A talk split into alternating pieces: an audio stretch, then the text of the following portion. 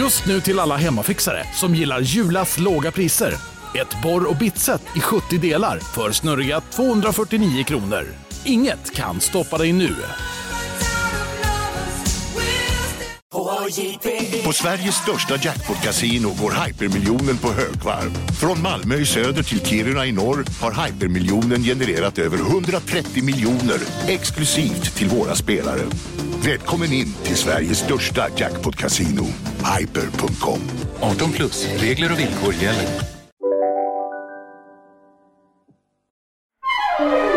Du lyssnar på en podd från Perfect Day.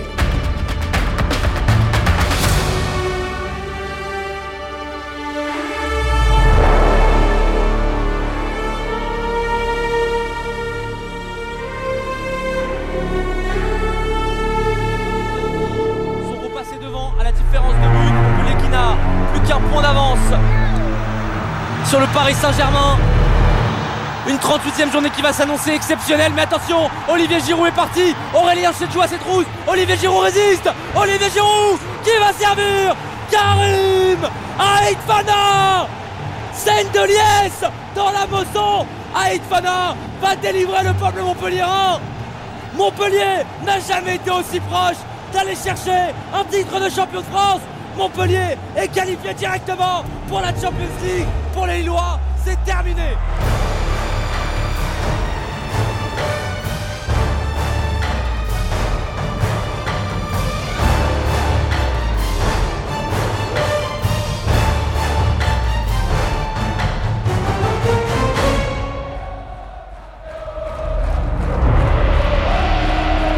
De roligaste upptäckterna med When We Kings är alla de pampar som styrt många av de klubbar vi pratat om. Ni vet, larger than life-typer som fullständigt obrydda om sin omgivning pratar, söndrar, härskar och lever på ett sätt som gör dem å ena sidan omöjliga och å andra sidan oemotståndliga. För att vara en riktig pamp bör du också leva ditt liv fullt ut vid sidan av fotbollen. Vin, kvinnor, sång och mat får aldrig fattas. I dagens historia finns det inte bara en pamp, utan två. En som styrde laget, en som styrde staden och tillsammans skulle de fälla den stora stygga vargen från det katariska norr.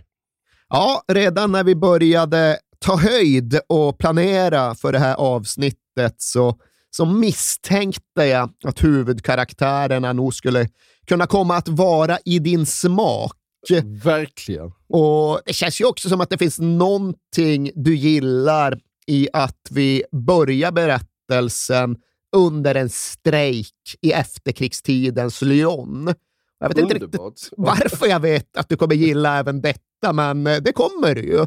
Du kommer uppskatta att borgmästaren i Lyon har problem med strejkande sopåkare 1947. Och du kommer någonstans också sätta värde på att det finns en strejkbrytare bland kolbilschaufförerna. Exakt vad en kolbil är, det ska nu inte jag ge mig på att definiera.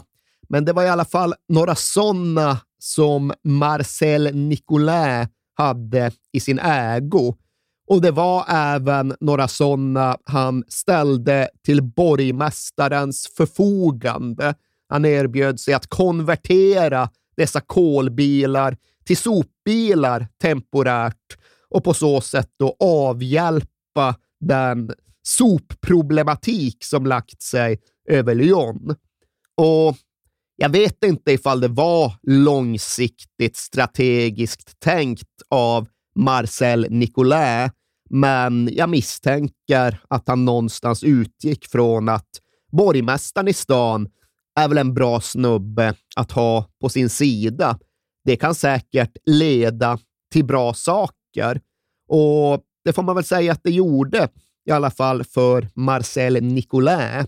För de här strejkande sopåkarna, ja, de välkomnades ju inte tillbaka med öppna armar och förbättrade arbetsvillkor, utan de blev ju rätt och slätt kasserade och ersatta av Marcel Nicolet, som utifrån sina nya möjligheter, de kontrakt han erbjöds, helt enkelt sadlade om, konverterade sin kolverksamhet till sophämtning på permanent basis och därefter växte både mycket och snabbt.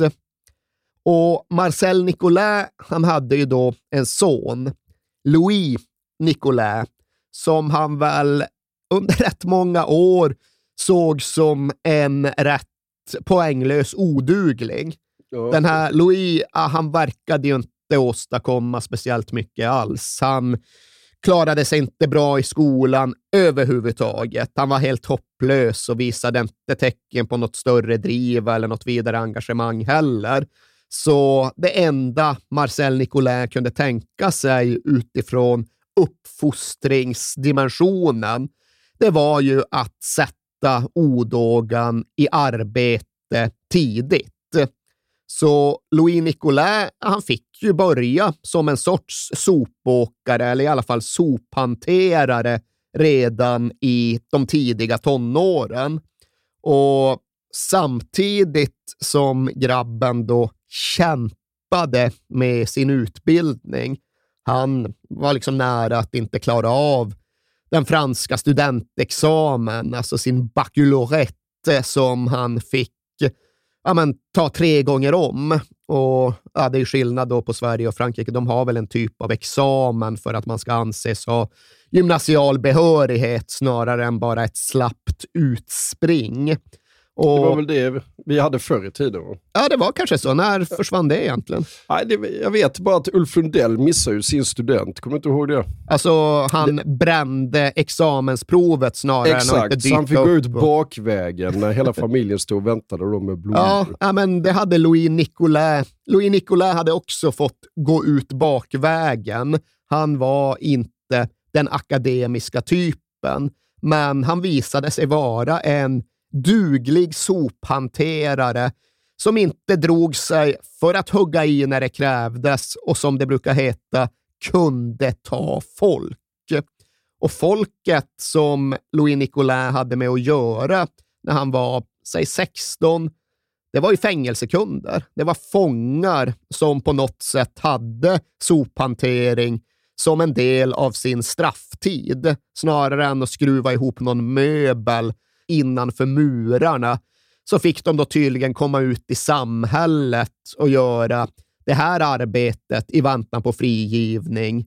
De här personerna var då Louis Nicolins kollegor och jag ska inte säga läromästare, men kanske i någon mån ja, men, livsvisare. Det var personer som fick Louis Nicolin att inse att eh, det här med livet, det kunde gå på väldigt många olika sätt. Men drygt 20 år fyllda, då fick han ändå ja, men klart mycket större ansvar av sin farsa. För firman växte ju. Firman expanderade och fick förgreningar i allt fler franska städer. Däribland då Montpellier, nere i sydvästra Frankrike, ungefär ja, men halvvägs mellan Marseille och den spanska gränsen. Och där fick han ja, men i någon mån uppgiften att ja, etablera och bygga upp verksamheten. Och det var till en början såklart inget glassjobb det heller. Det var inte sitta på ett kontor och peka och kommendera och beordra, utan det var ju att gå upp klockan halv fem på morgnarna och faktiskt tömma tunnorna och köra bilarna. Och det gick väl helt okej, okay, men det var inte så där att det verkligen lyfte. När Louis Nicolas närmade sig, ja, när han till och med passerade 30, så hade han inte riktigt fått det där stora genombrottet karriärsmässigt. Hade han inte fått det fullständiga förtroendet av farsgubben utan det kom egentligen först 1974 då han ålades uppgiften att åka upp till Versailles och samtala med borgmästaren där. För pappa Nicolas var ute efter ett sophanteringskontrakt, men han, själv, han kände själv att han höll på att gå miste om det. Så som en lite smått desperat sista åtgärd skickade han upp sin son för att försöka prata med borgmästaren och på något sätt få honom att tänka om. Och Louis Nicolin visste inte riktigt hur han skulle gå tillväga. Hur skulle han någonsin kunna förändra den här situationen?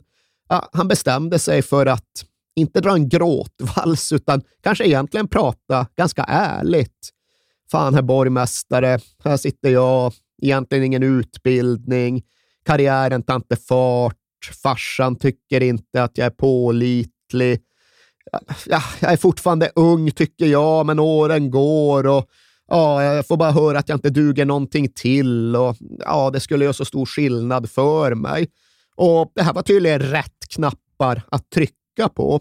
För borgmästaren i Versailles köpte in sig på allt det där och tyckte att klart grabben måste ha en chans. Det liksom är viktigt för honom att eh, sophanteringen hamnar i hans familj. Det kan lyfta honom genom livet. Så ja, men vad tusan. Vi tänker om. Eh, Be din farsa att ringa mig så löser vi det här. Och det där var den stora vändpunkten i Louis Nicolins karriär och privata liv.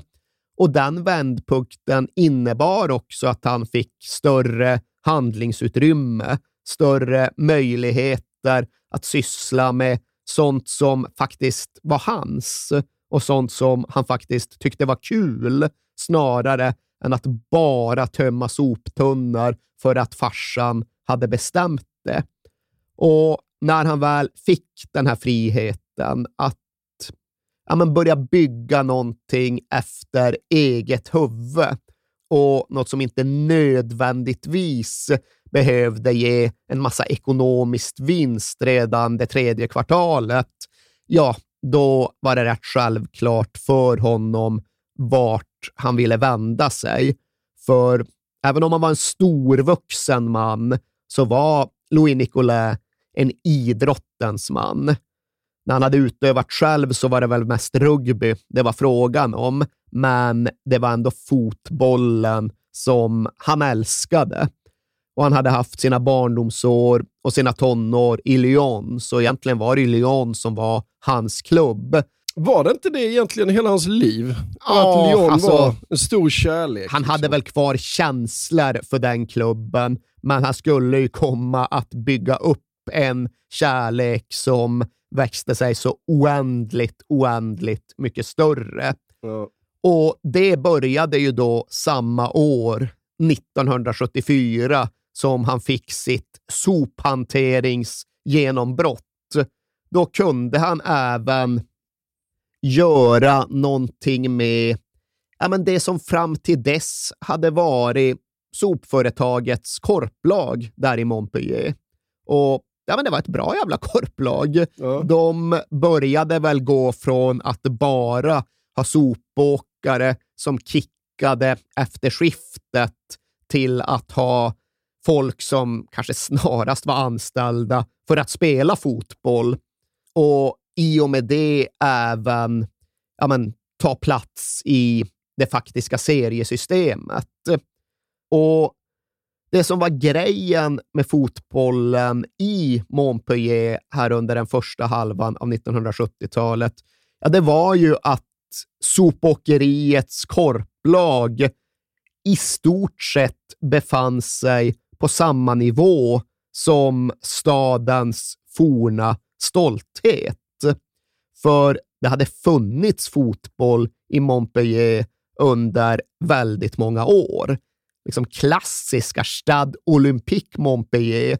De hade varit med och grundat den franska proffsligan på Just det. 30-talet och de hade vunnit franska cupen.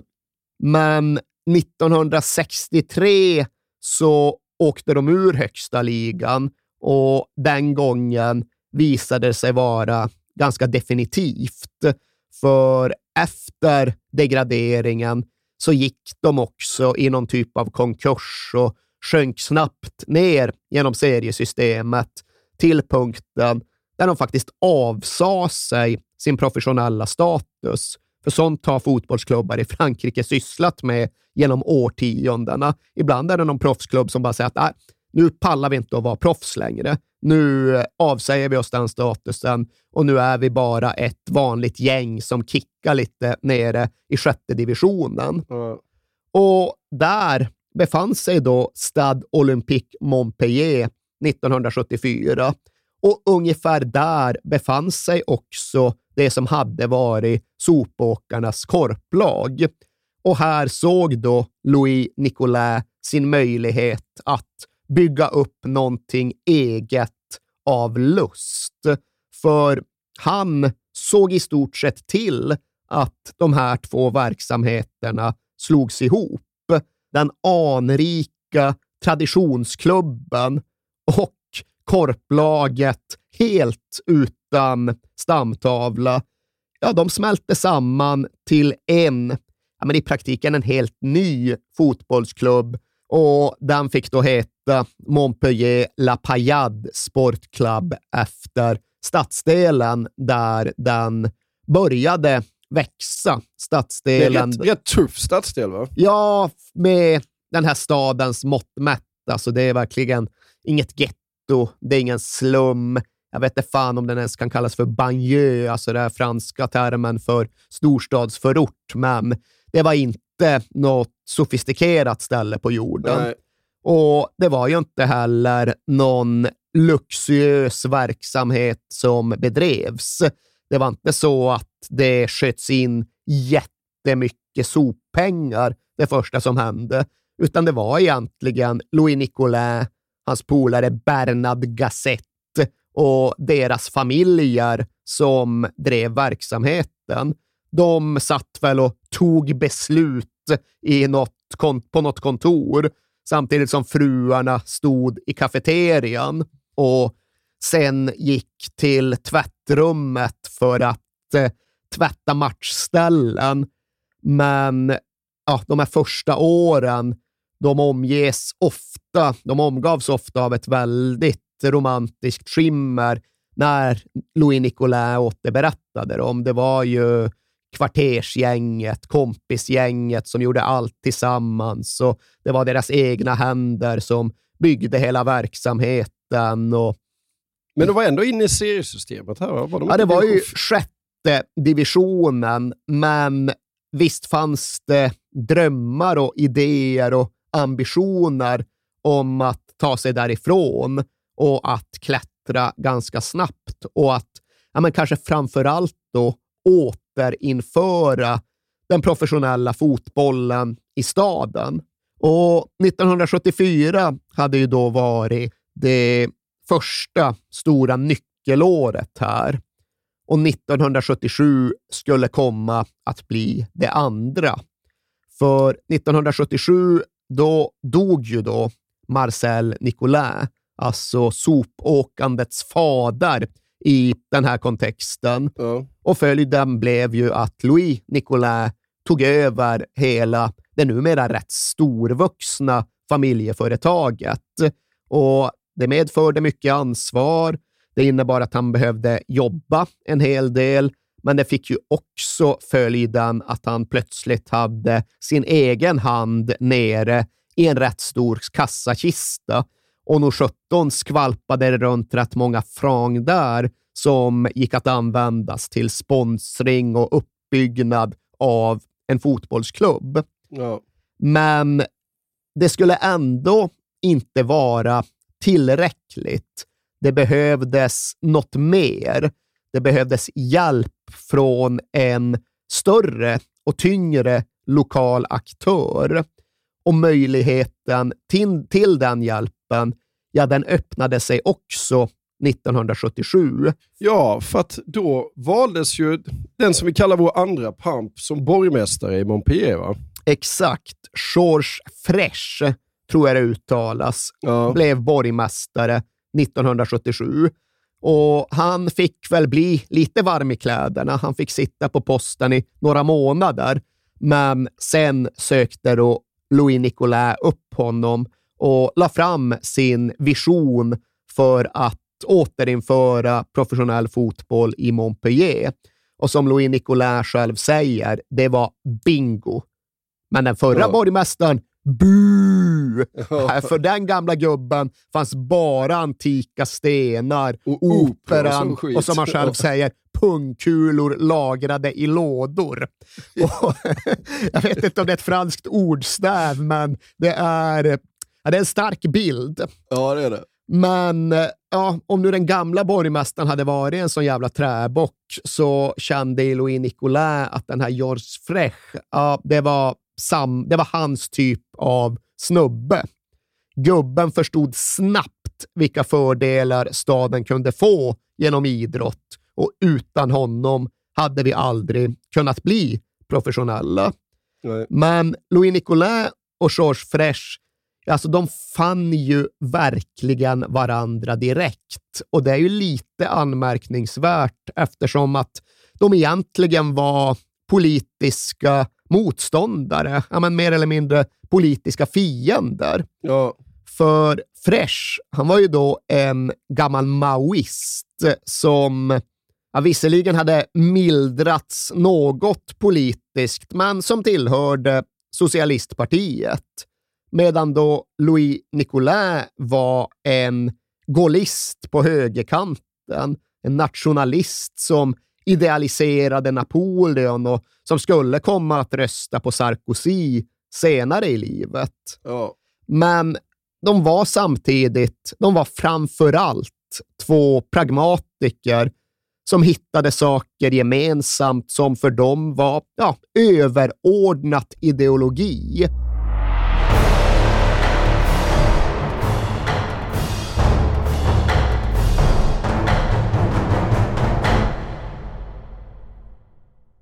Jag vill inleda med att säga att det är garanterad jackpot på 13 miljoner på Stryktipset. Och fy fasen. Ja. Ja, visst.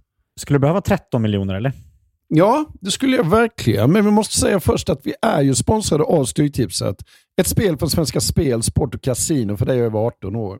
Yes, och stödlinjen.se finns där för dig om du har problem med ditt spelande. Nej, men 13 miljoner jackpot på Stryktipset, det är ju inte fel. Nej, då är det faktiskt dags att ladda en rejäl rad här känns det som. Mhm. Vet du vad som inte heller är fel? Nej, Födelsedagsfirandet och alla härliga Mm. historier vi får in. exakt. Mm. För vi är ju mitt inne i Stryktipsets 90-årsfirande som vi firar med att läsa upp fantastiska historier från våra lyssnare. Yes. Som skickar in dem till kings at perfectdaymedia.se. Precis, bomba på nu. Det är åtta månader kvar på det här firandet, så att, eh, vi kör nu. Mycket Stryktipshistorier vill vi ha. Mm. Och i dagens har vi fått från Peter som skriver så här. Hej på er och tack för en helt otrolig podcast. Den har räddat mina veckor i snart fyra år. Tack så mycket Peter. Min historia är ganska färsk, men den om när det vände på stopptid gav kanske inte de största pengarna, men känslan i mig består. Jag spelar ofta för lite mindre pengar på Stryket, följer fotbollen men är långt ifrån en nörd. Och allt såg väldigt bra ut senast, förutom på min etta på Manchester United mot Brentford. Var ändå väldigt, eh, var ändå väldigt nöjd med hur resten satt. Men på stopptid satte min nya favoritspelare, skotten McTominay, två mål och vändningen fullbordades. 64 rader blev 12 000 kronor. Tack för en bra Det är podd. otroligt. Ja. Tack för en bra historia Peter. Ja, och som man älskar Scott McTominay. Gör man inte det? Ja, det- gör man faktiskt. Han liksom kommer in i straffområdet jävligt bra faktiskt. Mm. Vi säger stort tack till våra vänner på Stryktipset. Tack.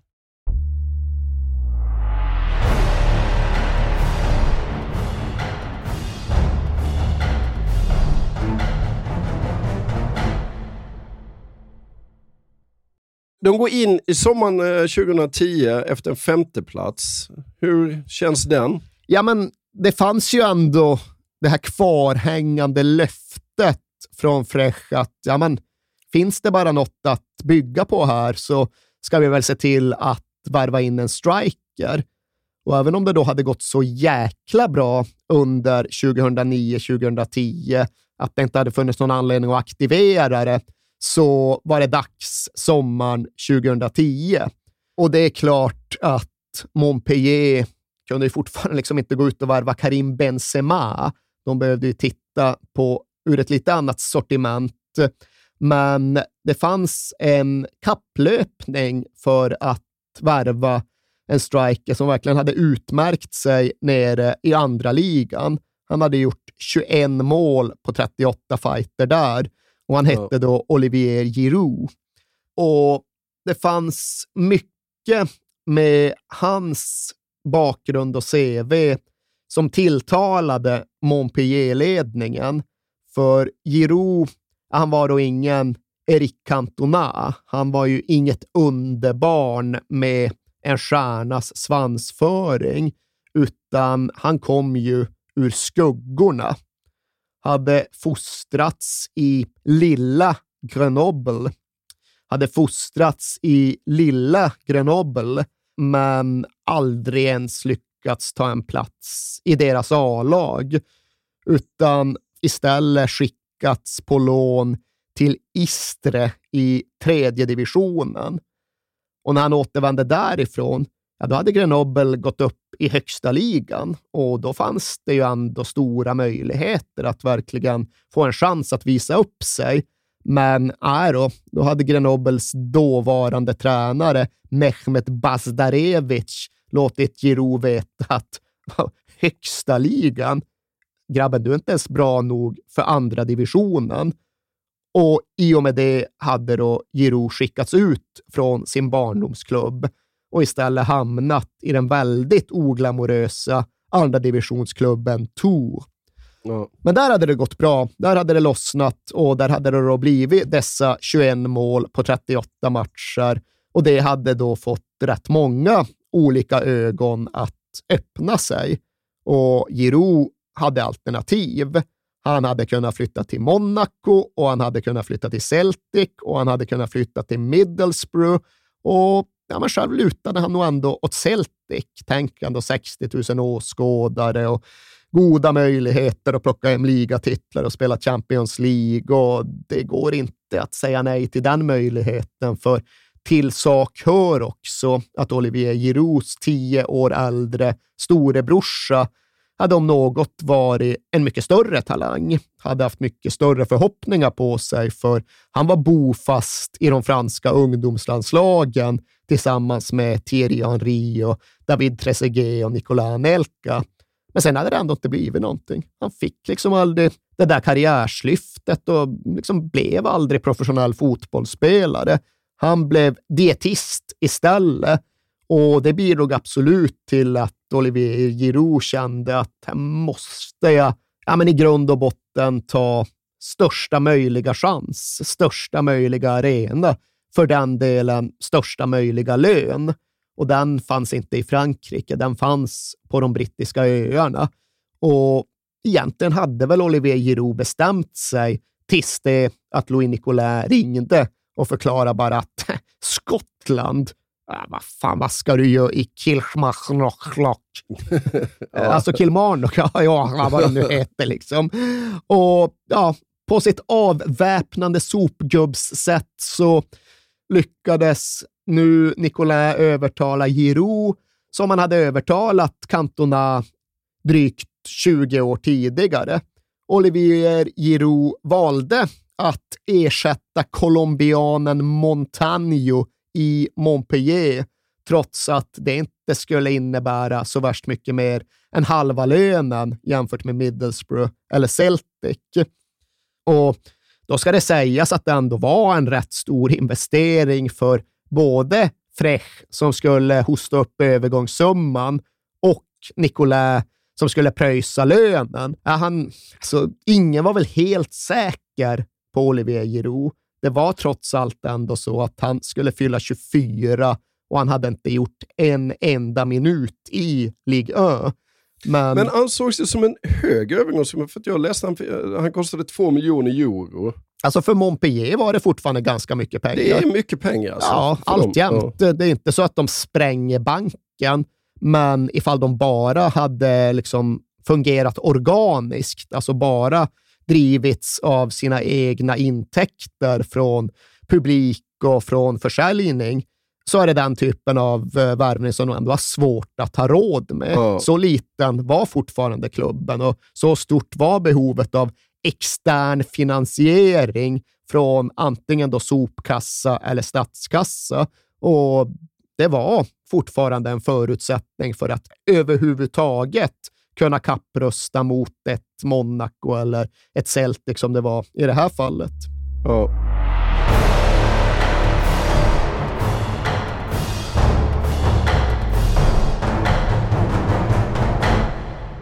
Och vi är framme vid sommaren 2011 och då händer det väldigt stora saker i den franska huvudstaden också. Ja, och ja, men den franska idrottsnationen, den franska fotbollen blir ju fullständigt förändrad. Och det är inte i första hand för att Al Jazeera gick och köpte sändningsrättigheterna till Ligue 1 i maj, utan det är ju främst med tanke på att den katariska staten köper PSG i juni 2011 genom sitt investeringsbolag QSI. Och PSG ska ju aldrig mer bli sig likt. Fransk fotboll ska aldrig mer bli sig lik och de slösar ju inte speciellt mycket tid. De gör omedelbart Leonardo till sportchef och sen ger de sig ut på ett värvningståg som kanske inte framstår som så otroligt omfattande jämfört med ett Chelsea eller ett Man City, men som ändå helt saknar motstycke i fransk fotbollshistoria fram till och med nu. De tar ju in sammanlagt nio spelare den här sommaren och det är Javier Pastore, Blas Matuidi, Jeremy Menes, Momo Sissoko, Salvatore Sirigu, Diego Lugano. Ja, men det är en lång jäkla rad och de lägger ja, men en miljard kronor på dessa styvt räknat. Javier Pastore blir den dyraste spelaren som någonsin värvats till en fransk klubb. Och det är en helt annan verklighet än någon annan klubb i ligan befinner sig i. Inte minst då en regional, liten marginalklubb som Montpellier. Och hur ser Montpelliers sommar ut? Ja, alltså relativt anspråkslös som vanligt. Nu, ja, nu finns ju inte George Fresh heller längre, så det finns inte den möjligheten att gå till stad eller region och äska pengar, utan de får i grund och botten nöja sig med sin egen kraft. Och deras omsättning, deras budget, den är då 13, 14 störst i ligan någonting. Den är jämförbar med Caen och Valencia och liksom hela deras årsomsättning är lägre, alltså är mindre än vad PSG betalade enbart för Xavier Pastore. Så de får ju lov att lappa och laga och ja, hitta de vägar som nu kan tänkas finnas. Och till att börja med har de ett behov av en ny mittbackschef, en general i försvaret. För där har de tidigare haft Bosnien Emir Spahic som, som har ledaregenskaper, men också ett rätt problematiskt temperament. Och han hade då varit avstängd i 18 matcher under den föregående säsongen och hans konflikter med den franska fotbollens rättsskipare hade gått så långt att han kunde inte vara kvar i landet. Så han drog till Sevilla och Montpellier behövde ersätta honom utan att ta speciellt mycket pengar för att göra det. Och vad kan de hitta då? Ja, de kan hitta en brasiliansk mittback som heter Hilton. Och Hilton fanns tillgänglig eftersom att det hade skurit sig för honom i Marseille. Inte med någon tränare eller med klubbledningen, utan ja, med staden. Han hade haft inbrott i huset där han bodde med sin familj och han hade blivit slagen i huvudet med någon gevärskolv och var inte skitsugen på att bo kvar i Marseille. Så mm. han var fri på marknaden och Montpellier plockade in honom för att ersätta Spahic. Och sen gjorde de inte så där jäkla mycket. De hade väl kanske en och en halv miljon euro eller något att investera sammanlagt och de drog dem iväg på den kameruanske vänsterbacken Henri Bedimo som de hittade i Lans. Och, ja, det var det. Det var transfersommaren för Montpellier 2011. Det känns ju inte sådär otroligt vass. Nej, och jag kan väl tänka mig att ifall vi ska gå igenom truppen så blir det ju inte blåst av stolen direkt. Nej, det blir ju inte, men eh, låt oss göra det ändå. eh, I de flesta matcher den här säsongen så skulle Montpellier komma att ställa upp i en 4-2-3-1. Och ifall man tar grunduppställningen så hade de då Jeffrey Jourdain i målet. Och det var en av de unga, en av de egna, en kille som hade funnits med länge och stått i mål redan nere i andra divisionen. Och sen då en backlinje där Gary Bocali spelade högerback. Var egentligen från Martinique i Västindien, kom över för att pröva lyckan i Olympique Marseille, men bröt aldrig in i deras A-lag och hamnade i Montpellier därefter. Och innanför honom Mapu Yanga Mbiva, också redan omnämnd som en av Montpelliers egna. Och det var han, även om han var född i den centralafrikanska republiken och kommit till Frankrike först som åttaåring. Han kom sen till Montpellier som 16-åring och hade kanske framför allt utmärkt sig genom sina ledaregenskaper. Okej, okay, ingen Emir Spahic på gott och ont, men med en sån resning och en sån auktoritet att han faktiskt utnämndes till lagkapten här redan som 22-åring. Och det var väl just eftersom att han ändå kom från klubben till skillnad från nya Hilton. För Hilton var annars en väldigt pålitlig spelare. Innan han hamnade i Europa och fick en gevärskolv i huvudet i Marseille så var han ju faktiskt en Chapecoense-kille. Och det var det inte så värst många som var på den här tiden. Så Nej. det vill vi ändå ha sagt. Ja. Och vi känner ju också oss tvingade att säga att även om det ger ett annat tidsperspektiv så behöver vi ju nämna att Hilton skulle komma att bli kvar i Montpellier, ja men fan, för evigt. Alltså, det är ju inte mycket mer än ett halvår sedan Hilton la av och då var han ju en 43-åring som fortfarande spelar Ligue 1-fotboll för Montpellier och därigenom ja, men historisk på egentligen alla sätt du kan tänka dig. Mm. Och ja, Han var ju då ett av två nyförvärv och det andra fanns utanför honom på vänsterbacken. Henri Bedimo från Kamerun och närmast från Lans. Och du blev inte helt eh, bortsvept av Montpelliers transfersommar, Nej. men vi får lov att konstatera att den var pricksäker. För båda de stora nyförvärven, både Hilton och Bedimo, skulle komma att bli uttagna i säsongens lag den här ligasäsongen. Ja. ja, det var inte klockrent ju. Verkligen. Och skickliga rollspelare var även de två herrar som utgjorde det defensiva mittfältsblocket. Vi hade Jamel Saihi, som även han var en av grabbarna från stan, född av tunisiska föräldrar. Och bredvid honom Marco Estrada från Chile.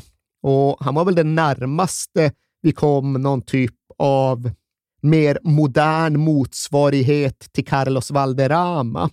För okej, okay, han var inte så spektakulär i vare sig spelstil eller frisyr, men han var detta Montpelliers stora exotiska import, för han hade faktiskt hämtats rätt från Sydamerika, rätt från La U i Chile och in i den franska fotbollen och Montpellier. Och framåt då? Ja, tre stycken offensiva mittfältare, eller vad vi nu ska kalla dem. På kanterna två afrikanska killar. Suleiman Camara till höger från Senegal. Speed och tricks och faktiskt en plats i Senegals VM-trupp redan 2002. Satt på bänken i den där hemska jävla matchen då Senegal slog ut Sverige. Och sen var han kanske inte riktigt någon Hilton, men jäkla vad långlivad även han skulle komma att visa sig vara. För han spelade alltjämt för Montpellier i maj 2020. Så lång karriär, lång Ja. Montpellier-karriär och än idag är det ingen annan som har gjort fler matcher för klubben än vad Suleiman Camara har gjort. Han slog till och med Laurent Blanc och gick upp i tät där. Så det var senegalesen Camara och på andra kanten fanns under de flesta matcher nigerianen John Otaka.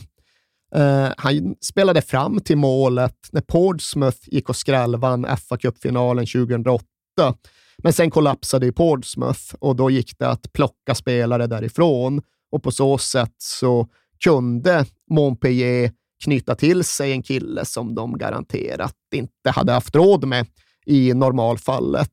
Nej. Så ändå rätt bra spets på kanterna, men jag vill väl hävda att den stora juvelen i den här lagdelen var nummer 10-spelaren Younes Belanda. Och även han representerade ju ett afrikanskt landslag. Hans föräldrar kom från Marocko, men hade då vuxit upp i klubbens akademi och egentligen visat sig vara ja, men den största diamanten av dem alla. Och nu var putsningen och finslipningen klar. Nu var han redo att skina och glittra och att visas upp för världen. Och sen då Olivier Giroud på topp. Och där har vi elvan, men sen vill jag ha nämnt att just strax bakom Belanda och Yanga Mbiva och Jordren så fanns ju ja, men en hel handfull av de här unga akademispelarna som stod beredda som första reserver att skickas in ja, men egentligen varhelst och närhelst en vakans uppstod. Och det var då Abder El Koutari, Benjamin Stambouli, Karim Aitfana och kanske framför allt Remi Kabela. Alla de skulle ju bidra mycket till den här säsongen, även om de då inte riktigt ingick i första elvan när allt rullade igång. Och om du hade kollat 2011 på den här truppen, vad hade du känt då? Många plus? Två eller tre, Ja. beroende lite på ja, men hur, hur allt började rulla. Men mittentrupp, definitivt en mittentrupp. Och det insåg de väl själva. Det var så de såg på sig själva och sina möjligheter. Berodde lite på vem som snackade när du frågade om målsättning, men till och med när Louis Nicolin pratade så var den ju rätt anspråkslös. Nicolin hävdade topp sju, medan tränare René Girardo sa topp 10. Och båda de här målen, ja, det var ingenting, inget av det kunde de ta för givet. Som sagt, en fjortonde plats den föregående säsongen och väldigt små förändringar i truppen. Ja, topp 10 var väl ganska rimligt. Topp 7 var väl att spänna bågen rätt hårt.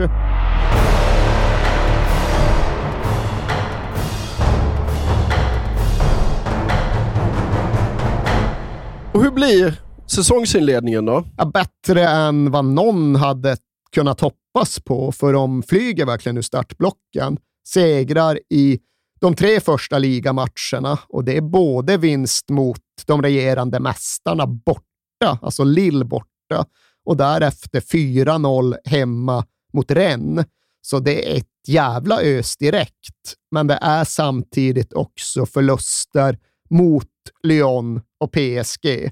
Alltså förluster mot de riktiga tungviktarna. De markerar och demonstrerar att det faktiskt är just den där skillnaden som det någonstans måste vara. För PSG kommer till stan med Pastore och med alla sina dyra nyförvärv och viftar bort Montpellier. Vinner med 3-0. Pastore gör två och är outstanding. Och det är väl någonstans bara ja men, saker på sin rätta plats på något sätt. Och det är givetvis så att Montpellier inte kan drömma om att hota PSG eller ens Lyon den här säsongen. Men det är ändå kul att det går bra i de andra matcherna, för det gör det ju verkligen. Den där topp 7-placeringen framstår inte alls som särskilt avlägsen längre en bit in på hösten. Den 26 november så spelar Montpellier en match som om inte annat betydde extra mycket för en av deras spelare. För de mötte då Sochaux borta och Sochaux coachas av Mehmet Bazdarevic, den där tränaren som skickade iväg Oliver Giroud från Grenoble med mm. omdömet att han aldrig ens skulle vara bra nog för att spela i andra ligan.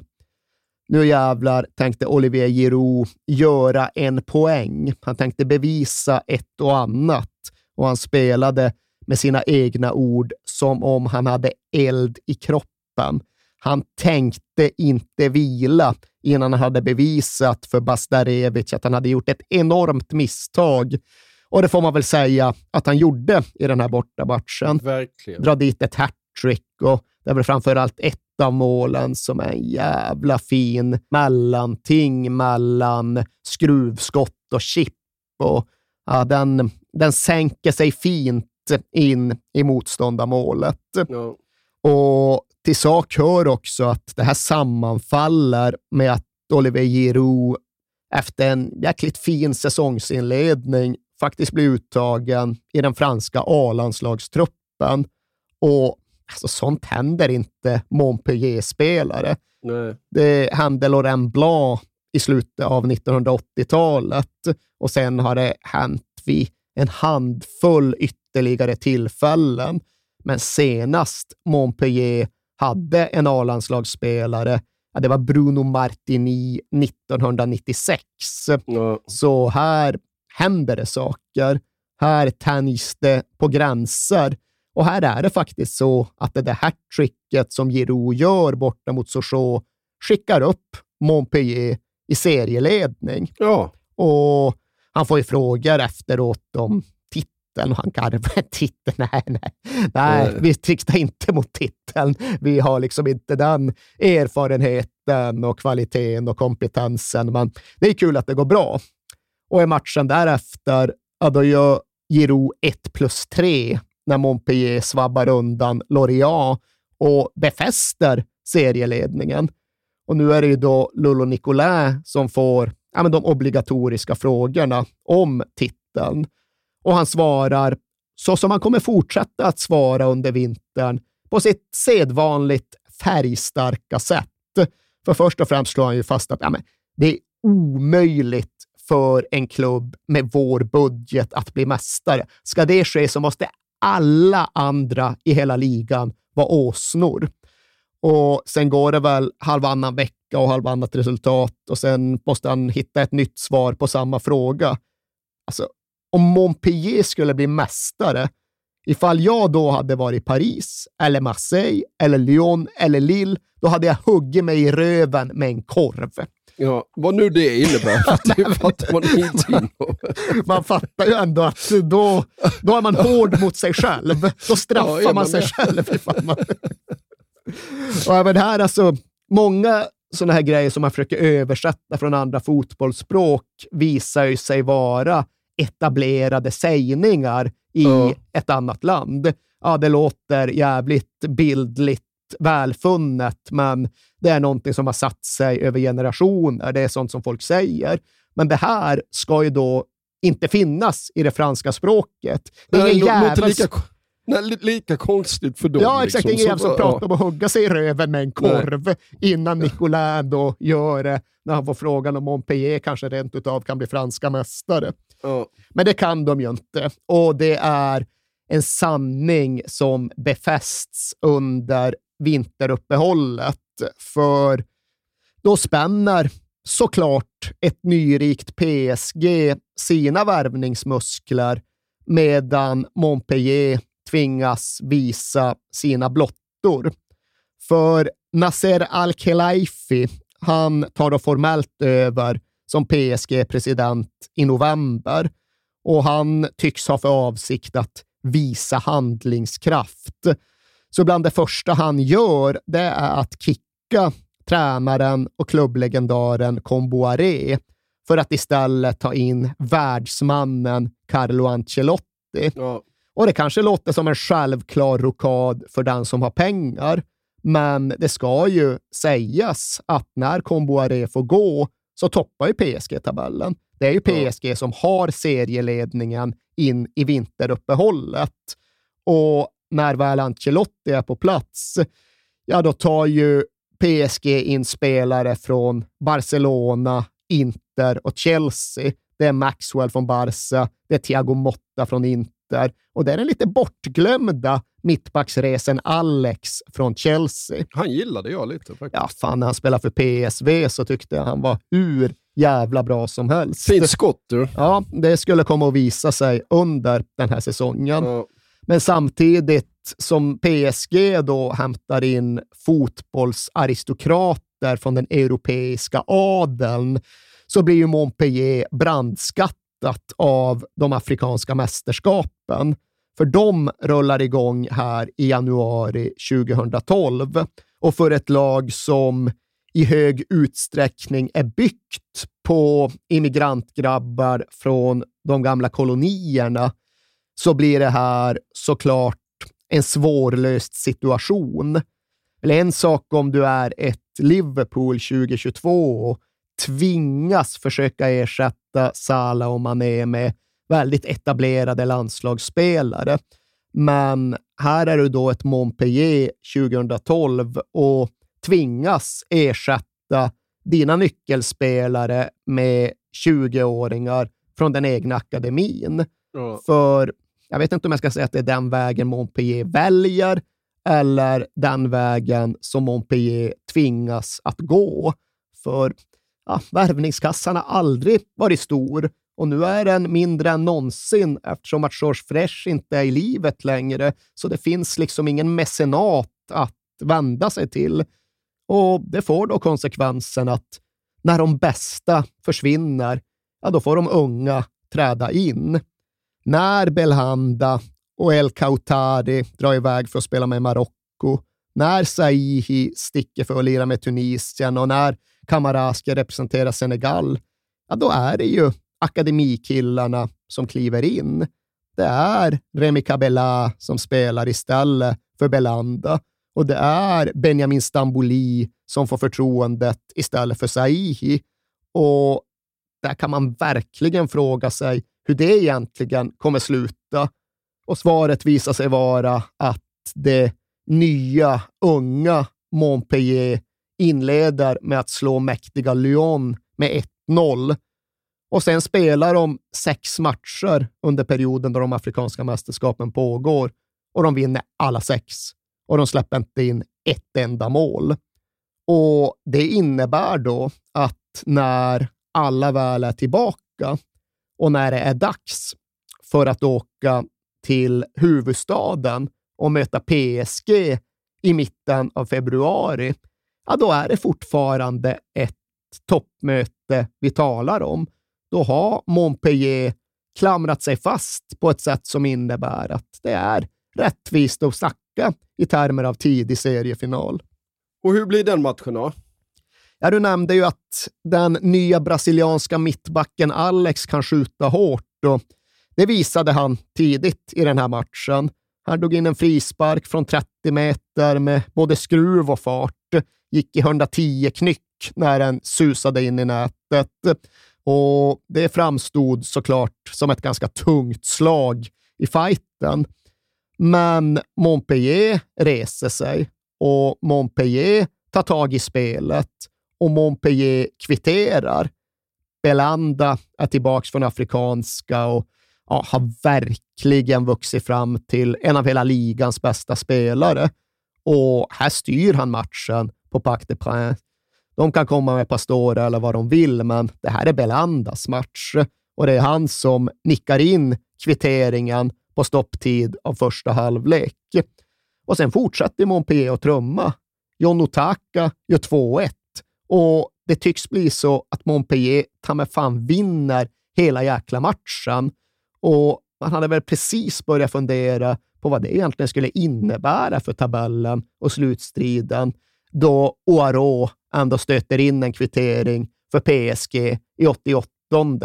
Och även om det är ett bra resultat för Montpellier såklart med ett kryss i Paris, så utgår naturligtvis de allra flesta ifrån att ja, ja, det målet kommer ju ändå vara tillräckligt för PSG att snabbt koppla greppet om ligan igen.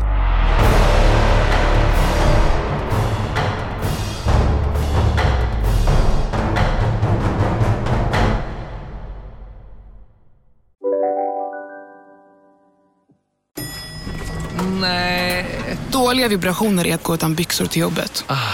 Bra vibrationer är när du inser att mobilen är i bröstfickan. Få bra vibrationer med Vimla. Mobiloperatören med Sveriges nöjdaste kunder enligt SKI. Om en yogamatta är på väg till dig, som gör att du för första gången hittar ditt inre lugn, ett lugn du inte trodde fanns, som gör att du blir en trevligare partner, en bättre bilförare, en bättre kock. Du blir befordrad på jobbet men tackar nej, för att du inte längre drivs av prestation utan vill göra saker som känns meningsfulla i livet. Och, ja, eller ja, då finns det flera smarta sätt att beställa hem din yogamatta på. Som till våra paketboxar placerade på en plats nära dig och tillgängliga dygnet runt. Hälsningar Postnord. Välkommen till Momang, ett nytt smidigare kasino från Svenska Spel, Sport och Casino där du enkelt kan spela hur lite du vill. Idag har vi en stjärna från spelet Starburst här som ska berätta hur smidigt det är. Jaha, så smidigt alltså. Momang, för dig över 18 år. Stödlinjen.se.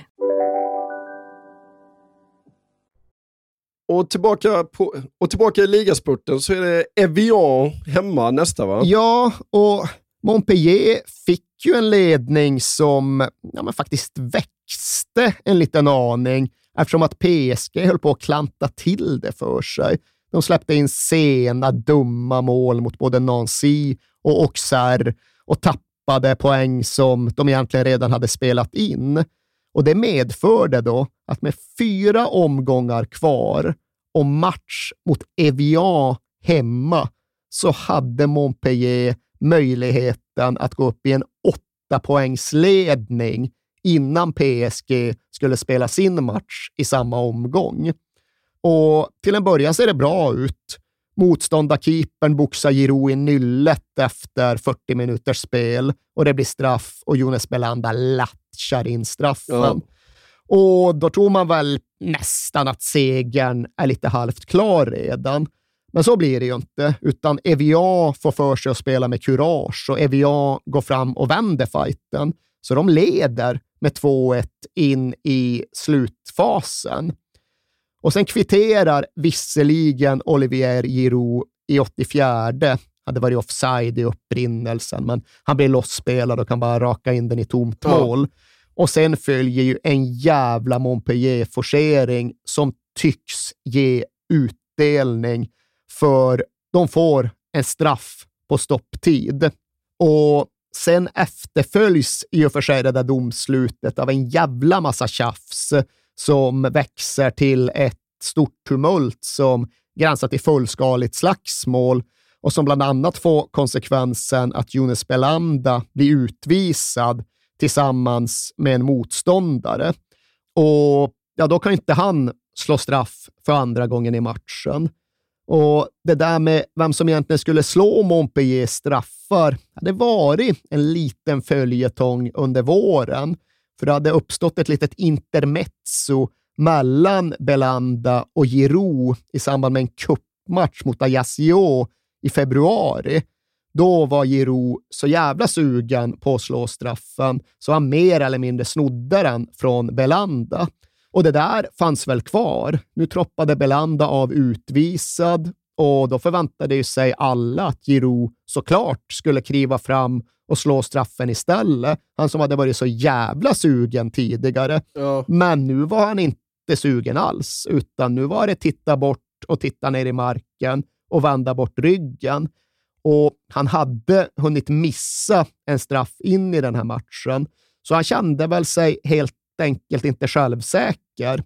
Men det fick då följden att efter ja, men då ett långt jävla spelavbrott, då det hade visats ut spelare och det hade bråkats och det hade krånglats, så fick yttern Suleiman Kamara kliva fram i den 99 minuten för att slå den här straffen.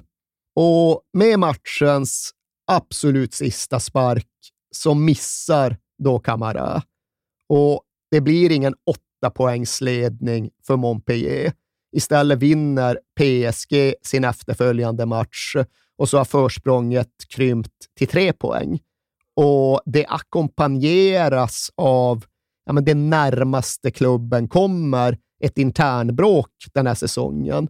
För den utvisade Belanda går ut i pressen och ja, men uttrycker sig syrligt om Olivier Giroud, om hans sätt att sno en straff den ena dagen och sedan avsäga sig ansvaret för en straff den andra dagen, då läget faktiskt är skarpt och då en målskytt faktiskt hade behövts.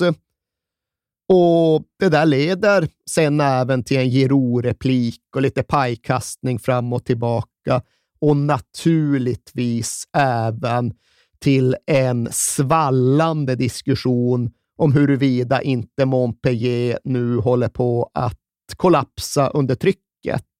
Nu pallar de väl inte längre. De hade kunnat ha en åtta poängsledning och så bråkar de själva bort den möjligheten. Så bränner de en straff i 99 minuten och så tjafsar de internt därefter. Äh, det här kommer de aldrig palla. Tre matcher kvar. Det är Rennes borta. Det är Lill de ska möta. De kommer ju tappa. Nu ser vi sprickorna. De kommer ju att tappa. Ja, och som du sa, det är Rennes borta nästa match. Då visar väl Camara ja, vem han är va? Ja, och på ett sätt visar även Nicolas vem han är.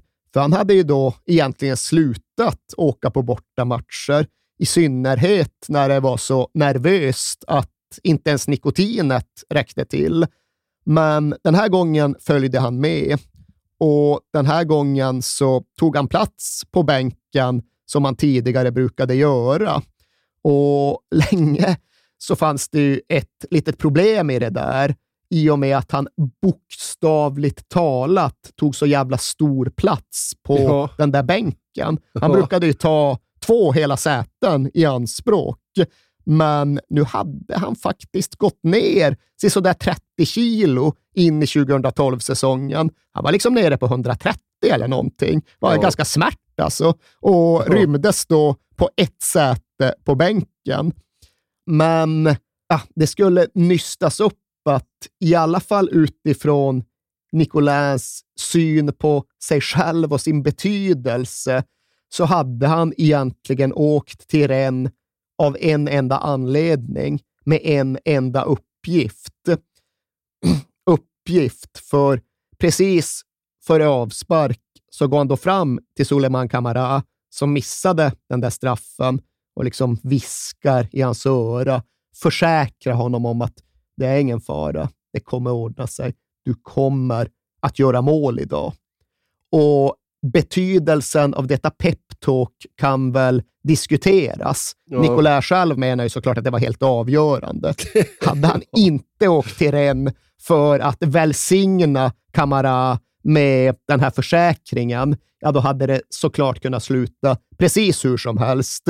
Men nu var någonstans utgången gudagiven. Det är klart att Suleiman Kamara skulle göra 1-0 efter 25 minuter, att han skulle göra sitt första mål på bortaplan för hela säsongen och att Montpellier därefter skulle kunna kontrollera hem segern. Hur skulle det annars kunna bli? Nicolas hade ju bestämt detta. Exakt. Och så slutade det den här gången. Och utgångsläget därmed, ja, men inte nollat, men den där allra värsta farhågan om nervdallar och tabellsvikt, ja, i alla fall uppskjuten en omgång till. Ja, och i den omgången så väntar ju den tuffa toppkonkurrenten Lill hemma. Ja, och det är ju då en jättematch. Det är ja, men nästan en titelmatch. För absolut, PSG var huvudfienden, men de regerande mästarna från Lille var fortfarande matematiskt med i fighten om titeln. Så i grund och botten var det väl så att om Montpellier skulle vinna matchen, då talade nästan allt för att de även skulle vinna ligan. Ifall de förlorade matchen, ja, då skulle nästan ingenting längre tala för att de skulle vinna ligan, för då skulle både PSG och Lille vara i kapp. Och om det blev kryss, ja, då fick väl avgörandet i så fall vänta till slutomgången. Men ja, större kan ju liksom inte en fransk ligamatch egentligen bli. Och det innebar ju då stor publik på sjaviga gamla Mosson-stadion i Montpellier. Och stor publik med deras mått mätt, det var då drygt 27 500 åskådare. Mm. Och alltså inte fullsatt. Inte jättenära fullsatt heller, för arenan tog 32 000. Och det här är också en del i den ja, men ganska svårbegripliga framgångssagan om Montpellier. Att de har ju aldrig lyckats skaffa sig något särskilt starkt lokalt stöd. De har så vitt jag vet aldrig lyckats sälja ut sin egen hemmaarena. Nej. Trots då den här säsongen och trots Cantona och Valderrama-tiden. För i grund och botten förblir Montpellier ja, men i första hand en utbildningsstad, i fjärde hand kanske en rugbystad, men först långt därefter en fotbollsstad. Och instinktivt vill man ju någonstans kunna redogöra för det här laget som drog massorna med sig, som entusiasmerade folket och man vill ju ha köer som har ringlat fan hela vägen ner till Medelhavet. Ja. Men så var det inte i Montpellier. Så har det aldrig varit i Montpellier, utan även under den här säsongen så har de alltså ligans näst sämsta beläggningsgrad. De brukar ligga på så 50 procent av platserna fyllda. Dra dit 16 000 eller någonting. Det är nästan lite skandalöst. Det är skandalöst såklart på ett sätt mm. och det går väl att tycka att det på något sätt försvagar berättelsen. Men det går ju också då att hävda att eh, det på ett sätt då är ännu mer osannolikt att de uppnår det de uppnår utan den där särskilt stora backningen. För det är klart att det stärker ju inte vare sig din ekonomi eller din attraktionskraft att till vardags spela inför 14 000 rätt loja åskådare på en halvtom arena. Det är ju bara att slå fast. Men ja, den här dagen, just den här dagen, då var ändå Mosson så välbesatt och så färgstark och så känslopackad som den någonsin annars har varit. För jävla luften dallrade. Ett mästerskap stod ju på spel. I teorin så kunde Montpellier säkra titeln redan den här dagen. För om de vann, då var ju i alla fall Lille definitivt borta. Och ifall de vann och PSG tappade poäng, ja, då skulle det ju vara klart. Så den franska ligapresidenten var på plats i stan med bucklan, men han visade sig inte på arenan, utan han satt i bilen utanför och väntade, lite halvt på order av en Nicolas som var så nervös att det gränsade till vidskeplighet. Ja. Men ganska tidigt under speldagen stod det klart att PSG skulle vinna och därför drog ligapresidenten bort från Mossonstadion redan innan Montpellier-matchen var slut, för någon titel skulle inte delas ut den här dagen. Och därtill så verkade det inte hända något där inne på arenan heller. Helt låst, 0-0, krampaktigt. Men som sagt så var ju Lill tvungna att vinna för att ha en liten chans kvar att försvara mästerskapet. Så in i slutfasen, in på stopptid, då forcerar ju de på ett nästan desperat sätt. De forcerar på ett sätt som man absolut annars inte gör ifall man möter ett topplag på bortaplan. Och det var ju allt eller inget, hela insatsen på rött. Och Lill hade några halvlägen och några öppningar. Och allt det här hade kunnat gå helt annorlunda. Men istället så är det Montpellier som till sist hittar en omställning och gigantiska jävla ytor när de vände spelet i 94 minuten. Och Oliver Giroud, han trollar lite, han dansar lite och han serverar till sist bollen fram till ett helt tomt mål för den egenfostrade ynglingen Karim Aitfana. Och han stöter in den. Och till fyra femtedelar säkrar han mästerskapet och Mossonstadion låter och lever som den aldrig annars har gjort. Det är ju det är ett titelmål. Det är en så ja. stor stund som du överhuvudtaget kan ha på din egen arena. Och alla vet ju om det. Une 38e journée qui va s'annoncer exceptionnelle, mais attention, Olivier Giroud est parti, Aurélien se joue à cette rousse, Olivier Giroud résiste, Olivier Giroud qui va servir, Karim Aïtfana Scène de liesse dans la Mosson, Aïtfana va délivrer le peuple montpelliérain Montpellier n'a jamais été aussi proche d'aller chercher un titre de champion de France. Montpellier est qualifié directement pour la Champions League. Pour les Lillois, c'est terminé. Alla vet ju om det. Det är på de här premisserna som Lolo Nicolin ändå accepterar att låta sig intervjuas kort efter slutsignalen. Och jag vet inte fan om det kanske hade varit bättre att han höll sig borta från mikrofonerna eller om han tycker att det här är ett gyllene läge att eh, få den nationella franska hakan att höjas. Men det han då säger i Kanal Plus direktsändning, det är ju att ja, nu är det väldigt, väldigt nära och om vi bara tar en poäng till om vi bara vinner ligan, ja, då ska jag minsann unna mig ett Branlett Espanyol. Och jag vet inte om du vet vad det är, men jag tänker fan inte precisera det närmare. Det får folk Nej. i så fall kolla upp, kolla upp av egen kraft. Är det det här med hans hårfrisyr? Eller? Nej, det här är något mycket mer grafiskt och grovt av sexuell Aha. natur. Okay. ja, det vet jag inte.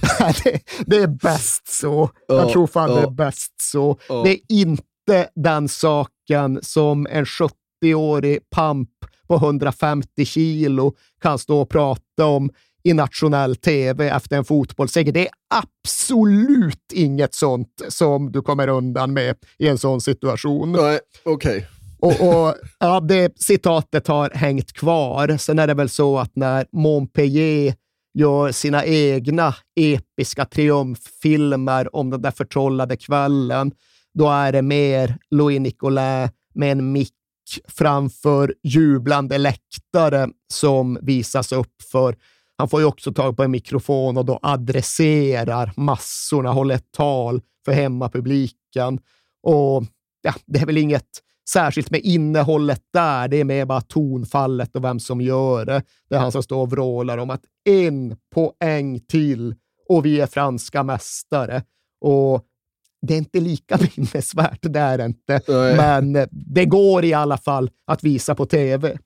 Ja, och i sista matchen så är det Auxerre borta, men Auxerre är ju redan ut, alltså, avsågade. Ja, exakt. De har redan åkt ur och på så sätt borde väl en poäng från den borta fighten gå att hämta hem. Men det är klart att det ändå är en satanisk anspänning. Hela det Montpellier som ändå bryr sig om fotboll går ju på spik och nålar hela veckan och Lolo Nicolai själv eh, bestämmer sig för att åka på Champions League-finalen i München. Egentligen inte för att han är så jävla intresserad eller vill se matchen, men han behöver tänka på någonting annat. Annars mm. pallar han inte. Och det är klart att på många sätt är det ju liksom det mentalt värsta utgångsläget att ha det här med att vara framme till nio tiondelar, att ha nio fingrar på pokalen och egentligen ett läge där det är omöjligt att missa. Ja, men tänk om du missar ändå. Tänk att behöva leva med det genom resten av livet och tänk att få det i nacken från motståndarfans från all framtid. Alltså som supporter eller som engagerad, som någonting annat än en spelare, så vill jag hävda att det nästan är det värsta jävla psykologiska läget av alla. Ja, och de vet ju att detta är den enda chansen vi får. Ja, ja, troligtvis. såklart. såklart. Vi kommer aldrig mer hamna i det här läget. Och så är uträknat, men därmed svårbedömt. För det där vet man ju aldrig hur det slår. Vissa lag som är matematiskt nedflyttade, de skiter ju i allt och ställer bara in dojorna och förlorar med åtta bollar. Medan andra kan tycka att det nästan är en befrielse att eh, ödet till sist är bekräftat och att det inte längre finns någon press på dem och de kan gå in och spela avspänt och njuta av dagen. Den sortens jävla motstånd vill man inte möta och det var ju anmärkningsvärt att Auxerre hade åkt ur, för truppen som sådan var inte helt usel. Och naturligtvis, givetvis, förutbestämt nog, så tar ju Auxerre ledningen Ja. i den här matchen. De gör 1-0 efter 20 minuter på en hörna. Och där är det ju alla helvetets demoner på en och samma gång. För då räcker det ju med att PSG gör ett enda ledningsmål uppe i Lorient. Och det tror ju alla, det är ju alla helt övertygade om att de såklart kommer att göra. Och där är det nog en sån satans purgatorisk pers de Ja. tvingas gå igenom under några minuter. Men de blir rätt korta, de där minuterna där det är som allra jävligast. För i en annan del av Frankrike går plötsligt Lorient upp och tar ledningen mot PSG på sitt konstgräs. Och det leder till ett spelavbrott där, för ja, det är ju rätt turbulent i parisianska supporterled på den här tiden, Ja. som vi har redogjort för i ett annat avsnitt. Och det finns ett ganska stort missnöje och det ligger rätt mycket och pyr. Så PSG Ultras ser mer eller mindre till att få ett spelavbrott när Lorient tar ledningen och det är svårt att överblicka vart fan det ska ta vägen. Men medan det avbrottet pågår så kvitterar Montpellier genom Otaka borta i Auxerre. Och man kan se liksom avbytarbänken flyger ju upp och rusar ut i jubel när den där bollen går in. Förutom då Lolo Nicolin som sitter kvar på bänken och bara gnuggar ansiktet med händerna. Han, han får veta, han får känna att det finns liv kvar i honom under den här dagen, för Ja. jävlar vad han lider. Och sen passerar en pausvila utan att något särskilt händer. Men bara en liten bit in i andra halvlek så är det Auxerre-publiken som tvingar fram ett spelavbrott. För om nu PSG-fansen är missnöjda med vad som håller på att hända med deras klubbidentitet, så är inte Auxerre-fansen överlyckliga av den här degraderingen som ska verkställas. Nej. Så de protesterar, de gör sin poäng och det blir spelavbrott i Auxerre. Och under detta avbrott är då kvitterar Javier Pastore för PSG i matchen i Lorient. Och som ni hör är ju det här, ja men det är verkligen det är gammal radiosporten-vibb. Ja, det ska ja, klippas precis. mellan olika arenor och i den franska tv-sändningen så görs det ju på precis det sättet. Och den enerverande jävla jingel som dyker upp så fort det har blivit mål på en annan arena. Et bien toujours 0-0 après euh, moins de 20 minutes de jeu. Auxerre. Auxerre qui marque Auxerre qui marque face à Montpellier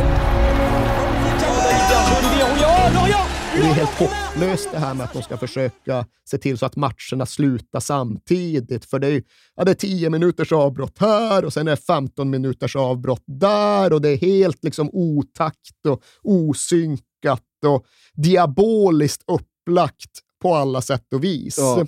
Men i och med att PSG kvitterar så blir det ju allt tydligare att de kommer i alla fall göra sitt.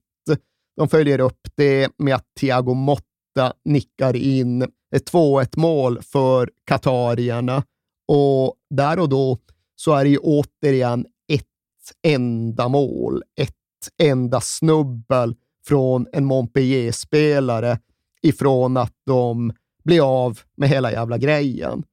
Och precis just då, nytt spelavbrott i Auxerre. Det var bengaler in på plan och det var tennisbollar och det var ägg och det var toalettrullar och det blev ett ännu mer utdraget spelavbrott och den franska inrikesministern Vallée var på plats och liksom såg allt eh, utspela sig med bekymrad min. Och ja, men eftersom att det här avbrottet drar ut på tiden så hinner ju PSG-matchen ta slut. Okej, okay, PSG har vunnit. Då vet Montpellier-spelarna att när de sen ska in och spela den sista, vad det nu är, 20 minuterna eller någonting, så är det just på de här premisserna. Att det räcker att de släpper in ett enda mål, att de snubblar, att de passar fel, att något skit händer för att det absolut värsta scenariet ska bli verklighet. Och det kräver, i mina ögon, rätt jävla mycket för att sen gå in och spela av den här slutfasen på de premisserna. Och det är ju så jäkla märklig inramning. De försöker tömma Auxerres kortsida på folk för att undvika mer stök. Och samtidigt har ju Montpellier fan ett större bortafölje än någonsin tidigare. Och uppe i Lorient så står PSG-spelarna samlade runt tv-apparater och ska följa upplösningen. Och Ja. Det är inte lite försenat, det är ju så jävla försenat. Ja. Det är nästan tre kvart försenat, hela skeendet i Auxerre. Och nationens ögon naglas ju fast vid den här upplösningen. Och så går de ut och så hittar John Utaka ett ledningsmål med en kvart kvar. Och där är det ju i stort sett faktiskt klart. Och sen händer ingenting på fem minuter, på tio minuter och plötsligt är det väldigt nära 90 på matchklockan. Och redan då är ju Lolo Nicolai så pass säker att han börjar ge liveintervjuer medan matchen pågår nere vid sidlinjen. För han fattar också att det är klart att Auxerre inte kommer göra två mål. I synnerhet inte som domare verkar rätt trött på hela jävla skiten och bestämmer sig för att blåsa av precis på 90.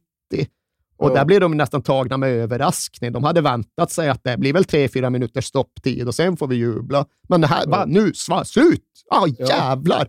Okej, då är det bara att sätta igång partyt, för då har Montpellier vunnit ett mästerskap som aldrig någonsin verkade vara möjligt att vinna.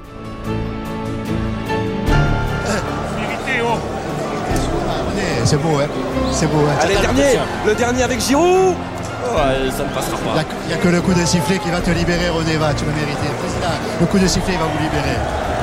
C'est extraordinaire. Vous méritez depuis le temps, hein, depuis le temps. Depuis le temps. Regardez, c'est fini C'est fini C'est fini Lolo Nicolas Montpellier, René Girard et ce groupe Président, premier mot, Ils sont champions de France Vous l'avez tanné tellement. Vous l'avez tanné tellement à ce moment-là. Thank you.